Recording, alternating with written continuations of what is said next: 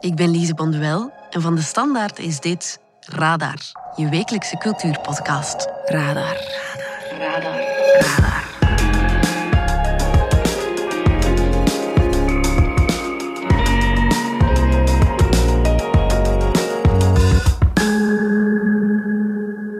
Jij en ik, wij zijn slaven van Big Tech. Dat zijn niet mijn woorden, maar wel die van Dave Eggers. Dave is fine, oké. Is een nieuwe roman, The Every of Het Alles, het vervolg op zijn bestseller The Circle. Net nu klokkenluidster Frances Haugen Facebook ter orde roept. My name is Frances Haugen. I used to work at Facebook. I believe Facebook's products harm children stoke division and weaken our democracy. Heeft hij een roman klaar over een almachtig technologiebedrijf? The Every. Journalist Philippe Rogiers die sprak met Eggers en stelde vast dat fictie en realiteit soms wel akelig dicht bij elkaar liggen. I think people have always been willing to trade freedom for safety. En dan moeten we het maar eens hebben over games. You and I both know want this. Far Cry 6 is de grootste big budget release dit najaar in de gamewereld. It's It's fun.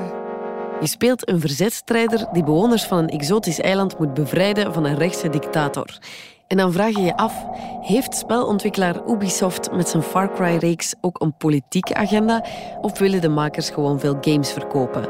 Gamerecensent Christophe de Bond die komt er je straks alles over vertellen. Welkom bij Radar. Radar. Radar. Radar. Radar.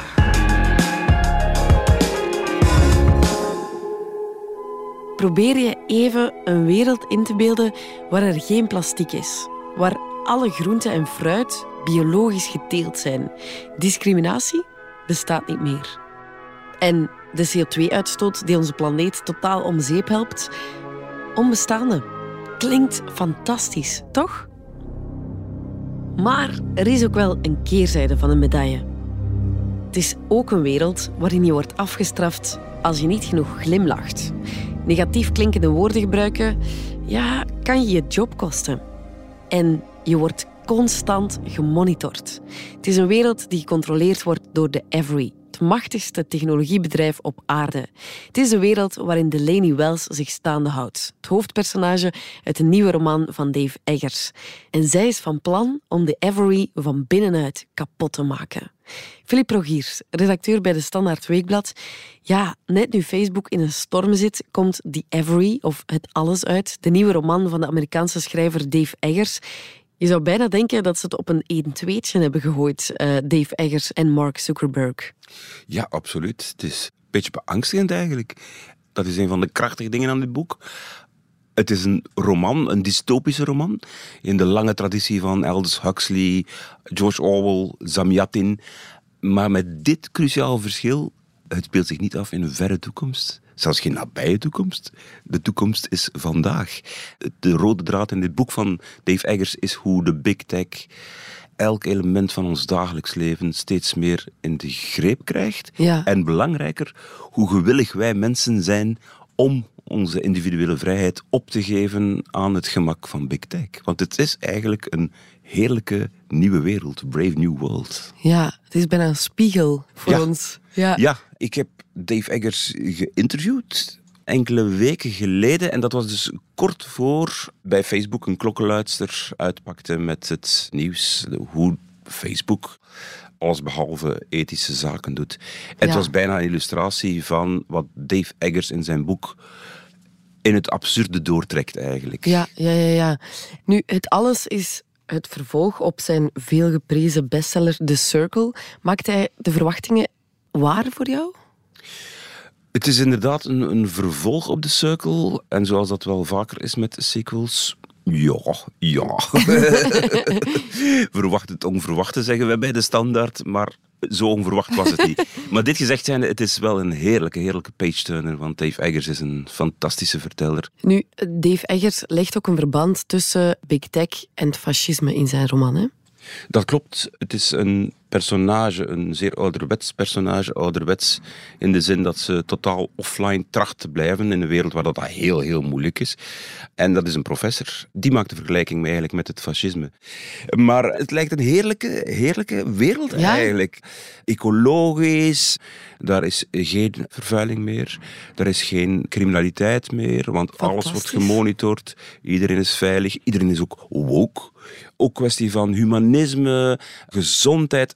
Bref, het lijkt een paradijs. Waar moet ik tekenen om te is gaan? natuurlijk... Ja, voilà, waar moet je tegen om te gaan? Maar dat is het spannende aan dit boek. Het is natuurlijk ook een zeer fascistische partij. Als u iets fout zegt, krijgt u een signaal van uw app opgepast. Je hebt een verkeerd woord gebruikt. Dus bij Brusselmans zou die app permanent piepen. Want je wordt volledig gedirigeerd. En dus dat personage vergelijkt het in die zin met het fascisme. Zij Ja. zegt van ook toen, de Duitsers wilden gewoon horen wat ze moesten doen. Het was ergens een comfort dat anderen, in dit geval de partij, NSDAP en de SS, in uw plaats zei van, voilà, als je dit zegt en als je dit denkt en als je dit doet, dan komt je terecht in onze heilstaat. Dus het is een heel provocerende vergelijking, eh, maar ze snijdt wel hout. Het is een donkere, eh, dystopische wereld ook die hij schetst. Maar tegelijk valt er ook wel veel te lachen. Hè? Ja, het is eh, zeker en vast een angstaanjagend boek. En tegelijkertijd is het heel grappig, zelfs hilarisch. Eh, er zijn bepaalde passages waarin ik luidop heb zitten lachen. en eh, waarvan ik denk van, als je dat op een podium brengt, is het schitterende stand-up comedy. Ik ga niks spoilen, maar als de lezer dit boek vastneemt, ga naar de passage met de zeehondjes. Heel, heel grappig. Oké. Ja. Je hebt Dave Eggers ook geïnterviewd en dan nog wel via Zoom. Terwijl ja, hij ironisch genoeg zo kritisch is net over het internet. ja, dat klopt. Hey, how are you? Is that Philip? Yes, hello Dave. We hebben gezoomd So, uh, Dave, uh, Mr. Aggers, if I may say so. Uh, uh, let me. s- Fine. Dave is fine, okay. okay. En dat was dan ook mijn openingsvraag. Are you okay with Zoom? En hij zegt van, ja, weet jij het, wat, wat ze doen met onze gegevens? Ik weet het niet, jij waarschijnlijk ook niet. Uh, in het beste geval uh, dient het om een AI te perfectioneren. Hij belde in. Ik heb hem niet te zien gekregen. Wel zijn PR-persoon ja. die erbij was. Maar hij heeft zijn camera niet ingeschakeld. En dus ik heb hem gehoord over de telefoon, via Zoom wel. Maar dat was een uh, ouderwetse slechte verbinding. Ik heb verschillende keren moeten zeggen van... Uh, Dave, you, I, I, I can't hear you anymore. The line is de lijn is heel slecht. uh, very bad, actually. Can you hear me now? Yes, that's better, I think. Hij zei ook hoe dat, dat kwam. It's always like that in San Francisco. Ja, ik zit hier in San Francisco en we hebben hier All of these hills. heuvels. Dat is hier gekend. Everybody deals with it. We have the worst coverage in the country, basically. De, de, de verbinding is hier heel slecht. En hoe offline leeft hij eigenlijk? Wel, hij zei mij dat hij pas sinds vorig jaar wifi in huis heeft. Hij heeft ook geen smartphone, maar een dumbphone. Oh, die bovendien wordt uh, bij elkaar gehouden met duct tape.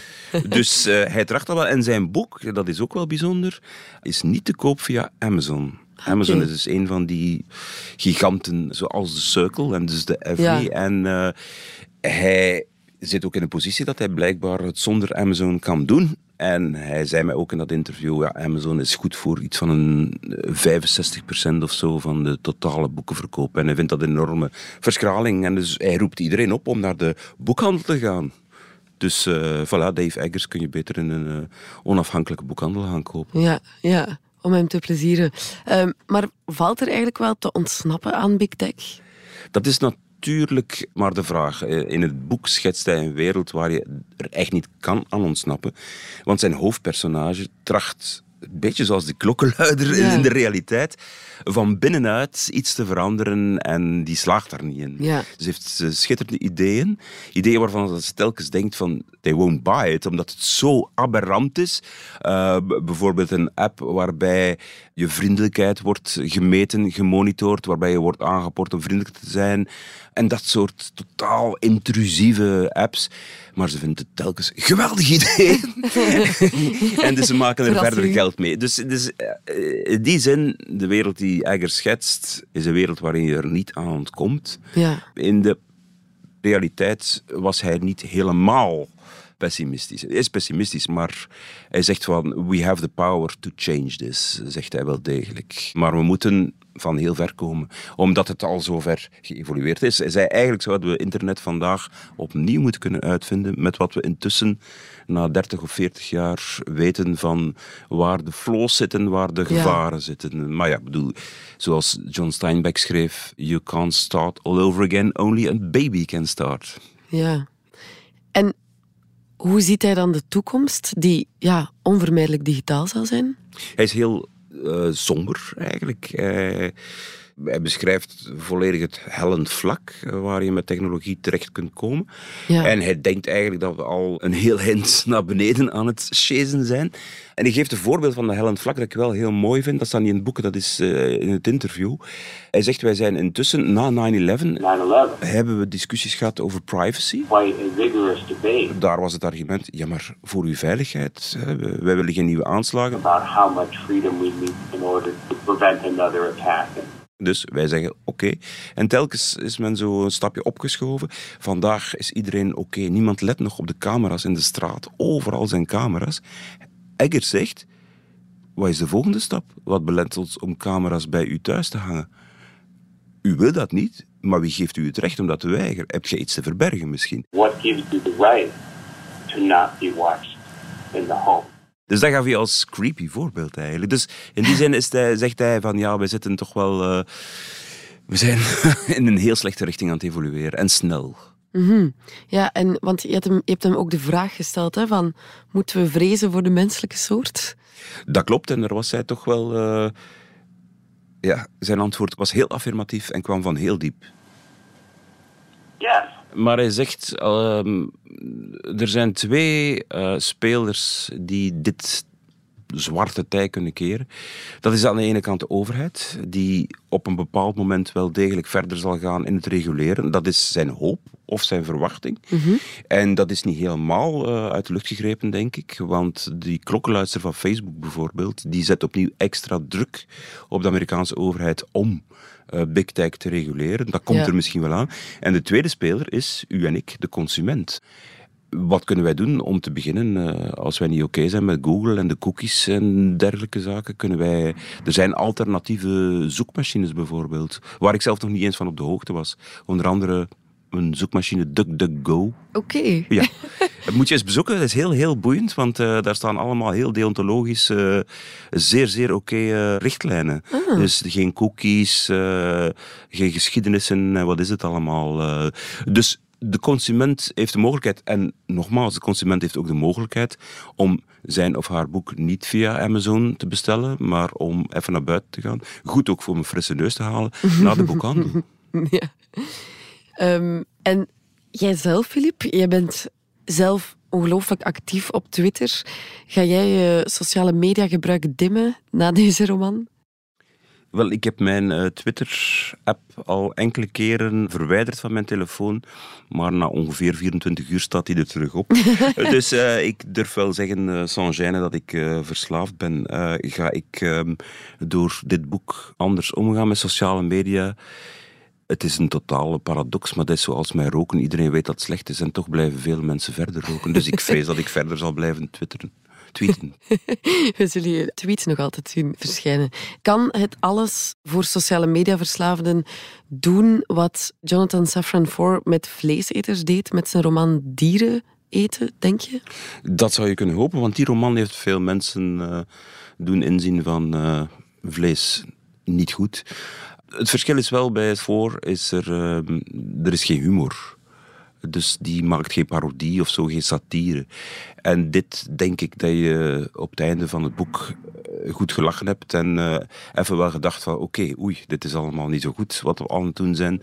Maar dat het toch wel verder gaat, denk ik. Ja. Ik weet het niet. We zullen zien. Maar ik ben zelf pessimistisch van natuur, dus... Oké, okay, The Every of het Alles van Dave Eggers is dus niet beschikbaar op Amazon, maar wel te vinden bij de kleine en iets grotere boekhandel. Philippe Rogiers, dankjewel. Dank u. Radar. Radar. Radar. Radar. Christophe de Bond, gamerecensent voor De Standaard. Blij dat we het eindelijk eens over games kunnen hebben in Radar. Vorige week kwam Far Cry 6 uit. A good guerrilla always brings a friend along. Je kruipt er in de huid van Dani Rojas, een guerrilla-strijder van wie het geslacht kan kiezen. Welk, ehm, welk gender heb jij gekozen? Uh, ik, ik, ben nogal fan van uh, in videogames te doen wat ik niet in het echte leven kan doen. Dus ik heb voor een vrouw gekozen. En ik vond dat ook dat dat... Uh, ik voelde dat dat iets beter bij dat, bij dat personage paste. En en plus, vrouwen zijn al redelijk ondervertegenwoordigd. In, in, dus als, dat is trouwens de eerste Far Cry waarin dat je de kans krijgt om als vrouw te spelen. Ja, dus ik dacht van, voilà, laten we dat eens doen. Zeker, niks op aan te merken. Maar verder maakt die keuze ook niet zo heel veel uit. Buiten het uitzicht van je personage ziet er geen verschil. Oké. Dus uh, niet wat je meemaakt, niet hoe de andere personages op jou reageren, want het is Dani en Dani, het is zelfs dezelfde voornaam. En wat vond je van het spel? Ja, dat is natuurlijk... Far Cry is zo een, een, reeks met een grote geschiedenis. Dat is natuurlijk een, een heel... Wat vond je van het spel? Dat is natuurlijk een heel, dat is een heel breed antwoord. Kort, denk ik, dat ik het zelf een beetje vond tegenvallen. Mhm. En ik denk dat de voornaamste reden daarvoor is, is omdat ik zowel Far Cry 3, Far Cry 4 en Far Cry 5 heb gespeeld. Ja. En als je die titels hebt gespeeld, dan is er in Far Cry 6 niet zodanig veel nieuws te beleven. Far Cry bestaat traditioneel uit een aantal elementen die altijd terugkomen. Het speelt zich altijd af op een, een exotische locatie. Het is een open spelwereld. De spelers kunnen eigenlijk gaan en staan waar ze willen, zolang dat ze niet aangevallen worden door vijanden uiteraard. En die vijanden werken meestal voor één grote antagonist, één grote schurk, die je dan als speler de uiteindelijk doel van het spel is om die ten val te brengen Ja. op een bepaalde manier. Uh, en het is zelfs zo, die antagonisten zijn, steeds, zijn eigenlijk memorabeler dan de speler zelf. En die formule waarin dat je iemand speelt die dat regime moet omverwerpen, een soort van revolutie dient ontketenen, die komt uh, heel vaak terug. Ja. En er is op zich niks mis mee, maar super verrassend uh, is, dat, is dat ook niet meer, omdat ook uh, de, dus Far Cry 6 specifiek gaat eigenlijk over, over guerrilla-strijders, revolutie door guerrilla-strijders. En de definitie die, die de makers aan de revolutie geven is nogal eenzijdig. Er wordt weinig aandacht besteed aan, aan sociale aspecten van revolutie. Er wordt vooral, revolutie is vooral, wordt vooral vertaald in de vorm van vernietiging. Vernietiging van militaire installaties, vernietiging van vijandelijk personeel. En vooral vernietiging. Uh, want Ja. dat is eigenlijk dan nog het vierde element dat, dat in Far Cry altijd terugkomt. En dat is explosieve actie. Far Cry 6 speelt zich af op een eh, Caraïbisch eiland dat eigenlijk aan Cuba doet denken. Hoe ver gaan de makers in die gelijkenissen? Ik, eh, ik zou zelfs zeggen aan Cuba doet denken. Het doet niet alleen aan Het Cuba is denken. Cuba. Het, het is Cuba. het, het is Cuba met alles eh, buiten naam. De, hoe dat, de, de geografie, de architectuur, eh, de iconografie. Alles, alles doet aan Cuba denken. Het militair regime dan, dat is dan wel opmerkelijk. Het is Cuba, dus je zou denken, oké, met, eh, met Fidel Castro, een links, eh, een links regime. eh, de Sovjet- dat is dan absoluut niet zo. De grote slechterik in Far Cry 6 is Anton Castillo en zijn regime. En dat regime doet eigenlijk meer denken aan de, de Zuid-Amerikaanse militaire juntas, Chili, Argentinië. Ja, Eigenlijk, dat is meer de sfeer, dat regime, op Cuba. Ja. En dan heb je de setting van, eh, van Far Cry 6 eigenlijk. ja. Dus hoe ver gaan ze daarin? Ehm, ja, heel ver. Hè. Eh, ja, de ontwikkelaars die, die hebben ook een maand in het ja, land dat is absoluut eh, geen uitzondering voor titels van, van die omvang, met, met productieteams van, van die omvang, ehm, dat er field research wordt gedaan. Dat is zo. eh, en dat is dan ook te merken, want het gaat zelfs zover inderdaad tot eh, de details van de oldtimers eh, die je kan besturen in het spel. Want er zijn verschillende manieren om je over de eiland te bewegen. Oldtimers zijn daar één van. Wat dat je denk ik in het echte Cuba niet ziet, is dat die uitgerust worden met machinegeweer links en rechts en granaatwerpers. Dat denk ik dat in echte Cuba iets minder voorval. Ik niet dat ze dat daar gezien hebben. Mhm, mhm. Nu, de game heeft wel heel wat star quality, hè? Eén eh, één grote star quality in elk geval. En, eh, dus, eh, dus ja, Anton Castillo, de grote slechterik, wordt gespeeld door Giancarlo Esposito. Ah, hello. My name is Giancarlo Esposito, and I'm preparing to bring you my most monstrous villain yet. Anton Castillo in Far Cry 6. De meeste mensen zullen die wel kennen als Gus Fring uit Breaking Bad. Are you asking me if I ordered the murder of a child? En speelde ook een, eh, een grote rol in The Mandalorian eh, op Disney+. Plus. Ja, ik ga niet zeggen dat eh, Anton Castillo een, kopie is van, van Gus Fring, maar in bepaalde scènes zie je daar toch wel die Fring-achtige kantjes in. En, en dat is wel iets wat dat, ja, Giancarlo Esposito heel goed kan. Ja, dat is gewoon echt een, een, rasacteur en, en die doet dat heel goed. Ja, het is alweer wel een game met een politieke laag, hè? Eh, je zet misschien bijna politiek vernis durven, durven noemen. Het is, het, is een, het is een dun laagje. En eh, Ubisoft heeft daar, de, de makers hebben daar eh, een, een handje van weg om de, de setting van hun spel ehm, een soort van maatschappelijk, proberen maatschappelijk relevant tintje te geven door te spelen met politieke ideeën of regimes, maar gaan daar dan eigenlijk niet echt heel hard op door. Ja. Bijvoorbeeld, vorig jaar hebben zij Watch Dogs Legion eh, uitgebracht. Dat was een spel dat zich afspeelde in een extreem rechts Londen in de nabije toekomst. Maar het had niks met de brexit te maken. Nou, dat, dat, eh, dat, dat toch, ja. Hebben ze dan uiteindelijk een politieke boodschap? Of willen de makers eigenlijk gewoon veel exemplaren verkopen? Ze, nemen, ze willen absoluut geen politiek standpunt innemen. En ik denk ook niet dat dat hoeft. En ik denk niet dat dat type spel zich uitstekend leent om diepgravende politieke discours te, te voeren. Of, Ja. of daar eh, grote ideeën over te verkondigen. Maar wat er wel een beetje tegen de borst stuit, is dat ze mensen daar in de marketing voor het spel dan toch altijd wel op die manier proberen in die wereld te lokken. Bijvoorbeeld in, eh, in Far Cry 5 ging het over religieus extremisme in ruraal Amerika. Op het moment dat, dat Donald Trump eh, aan de macht was. Dus was. Dat lijkt heel relevant.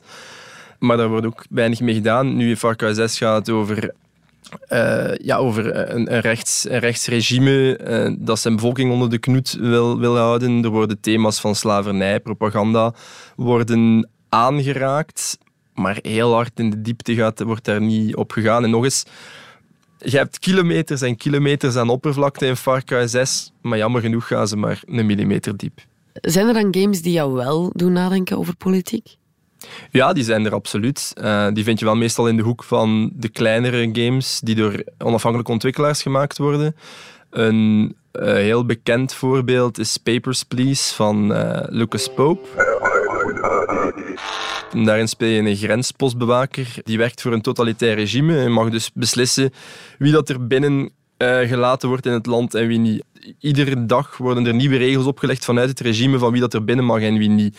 En op dat moment ga je wel nadenken over Ja. totalitaire regimes. Van oké, je moet die regels volgen, want als je de regels niet volgt, zijn er ook repercussies.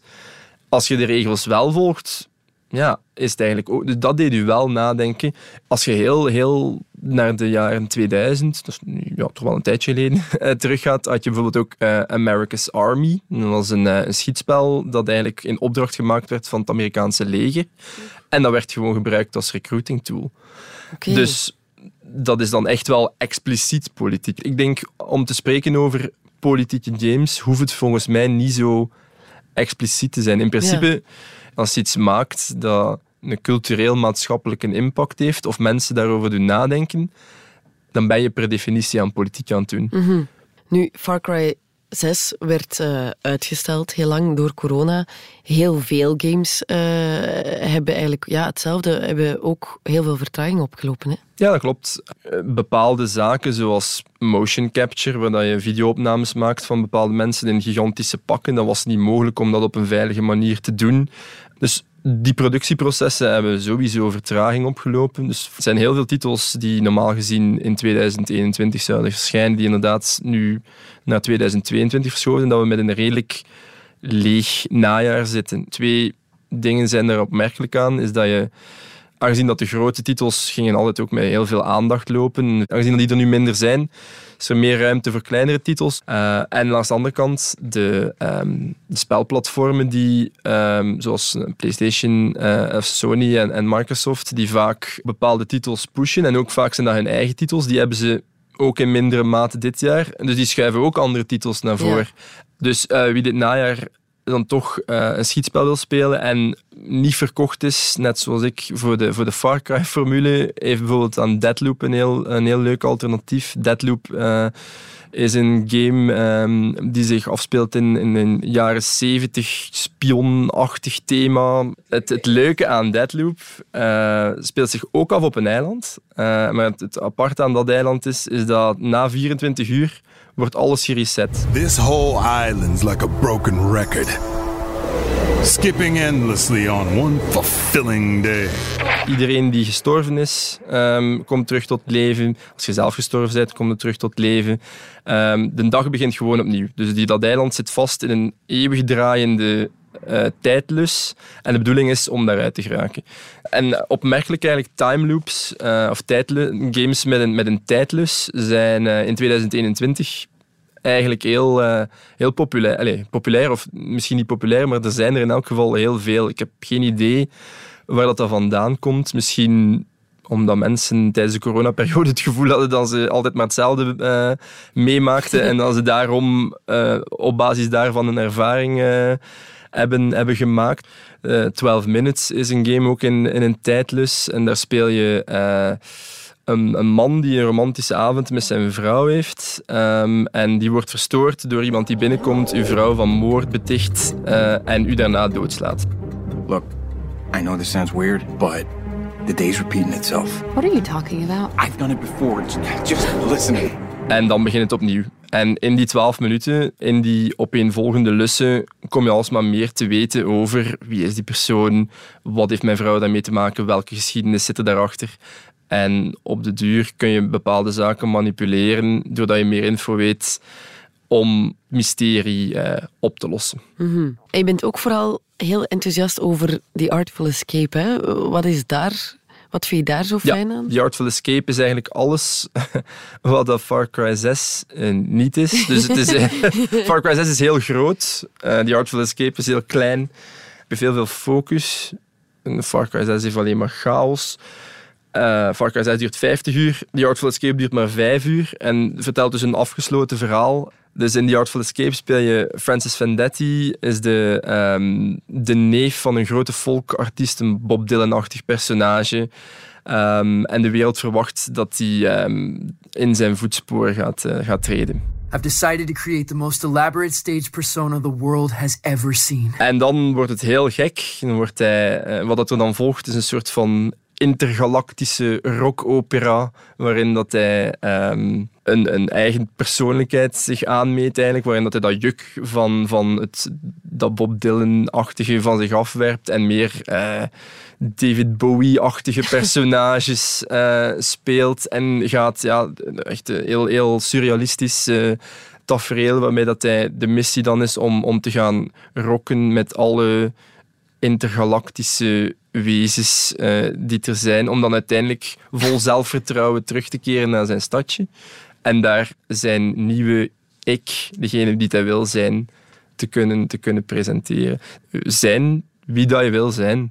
Um, dat, daar gaat het eigenlijk gewoon over. Het vertelt niet alleen een mooi verhaal, uh, maar het is ook audiovisueel heel impressionant. En de creatief, ja, de, de, het creatief brein achter de game is een ex-rockartiest, Johnny Galvatron, die, um, ja, die in zijn vrije tijd uh, videogames maakte. En je zou het bijna kunnen vergelijken, het is een soort van uh, platformspel, dus een soort Mario-achtig iets. Ja. een Mario-achtig iets, maar in plaats van op paddenstoelen springen en centjes verzamelen, steek je uh, geweldige gitaarsolo's af en zweef je door de kosmos basically. Ja, ik zou wel weten wat kiezen. Oké, okay, en we weten weer wat doen als het weer uh, ongelooflijk hard regent dit najaar. Christophe de Bond, dankjewel. Graag gedaan. De suggestie van de chef. Elke week sluiten we natuurlijk af met een suggestie van onze chef cultuur van de Standaard. En deze week krijg je hem van Lieve van de Velde. Ik heb mij de voorbije week laten wegzakken en meeslepen door Scenes from a Marriage. Dat is een uh, reeks op uh, streams. En eigenlijk vanaf deze week staan alle afleveringen op de streamer. Niet dat dat een reden moet zijn, want het is nu niet bepaald een reeks die je in één keer kan uitbingen. Het vraagt nogal wat verwerking na elke aflevering. Het is het verhaal van een koppel, gespeeld door Jessica Chastain en Oscar Isaac, over hun relatie eigenlijk en hoe die relatie op het eerste gezicht goed en gelukkig lijkt, maar eigenlijk bij elke minuut die je langer kijkt uit elkaar valt en uh, dan weer terug uh, in elkaar geknutseld wordt en dan weer uit elkaar valt. You just believe as a couple nothing can hurt you. And then you gradually start to realize that actually anything can hurt you. We're gonna sit here and we're gonna talk as long as it takes, okay? But there's nothing left to say. What is this? What is this thing where we can't talk? This is a place. Do you know how long I've wanted to leave? I'm gonna go out of my mind if I don't leave right now. Right now, like right this second. If I don't leave right now, I know I'm never going to. Het is eigenlijk een en al relatie-ellende. Het is goed om naar te kijken, omdat het iets uh, therapeutisch heeft. Het komt heel dicht op de huid. Je zit eigenlijk met je neus in die mensen hun, hun relatie te kijken. Het is heel beklemmend. Alles wordt opgenomen of verteld in één huis. En dan maakt het nog extra beklemmend en extra confronterend. Er is geen enkel uh, lichtpuntje. Het is echt puur de gevoelens uh, die besproken worden, hoe ze elkaar kwetsen, blijven kwetsen, weer hoop geven, valse hoop geven. It's like a piece of tape that you rip off and try to reapply. It might stick, but it's never going to be like the first time. En uh, ja, dat is heel herkenbaar voor mensen die ooit al een relatie hebben gehad. Maker van de reeks, uh, Haga Levi, is ook de maker van In Treatment, die andere reeks waarin hij mensen volgde in de therapiestoel, bij de therapeut eigenlijk. Een soort registratie van therapeutische gesprekken. Dus de man heeft duidelijk uh, ambitie op dat vlak en dat merk je ook hier. Uh, Scenes from a Marriage is een remake van een reeks uit de jaren 70 van Ingmar Bergman, de Zweedse regisseur die ook nogal bekend was om zijn tristesse en zijn menselijke confrontaties. Tycker såna här retrospektiva utställningar är oerhört likgiltiga. Ah! Jag blir galen på dig och dina idiotiska sarkasmer. Är det bara du som ska få bestämma vad man ska känna och mena? En in die jaren gaat het verhaal dat die reeks op zich verantwoordelijk was voor een uh, boom in de scheidingen en een boom bij de aanvragen bij de relatietherapeuten. Dus of dit ook voor deze reeks gaat uh, opgaan, dat valt nog af te wachten. Maar het is in elk geval een of andere manier toch heilzaam om naar te kijken. Of confronterend, dat kan ook. Radar.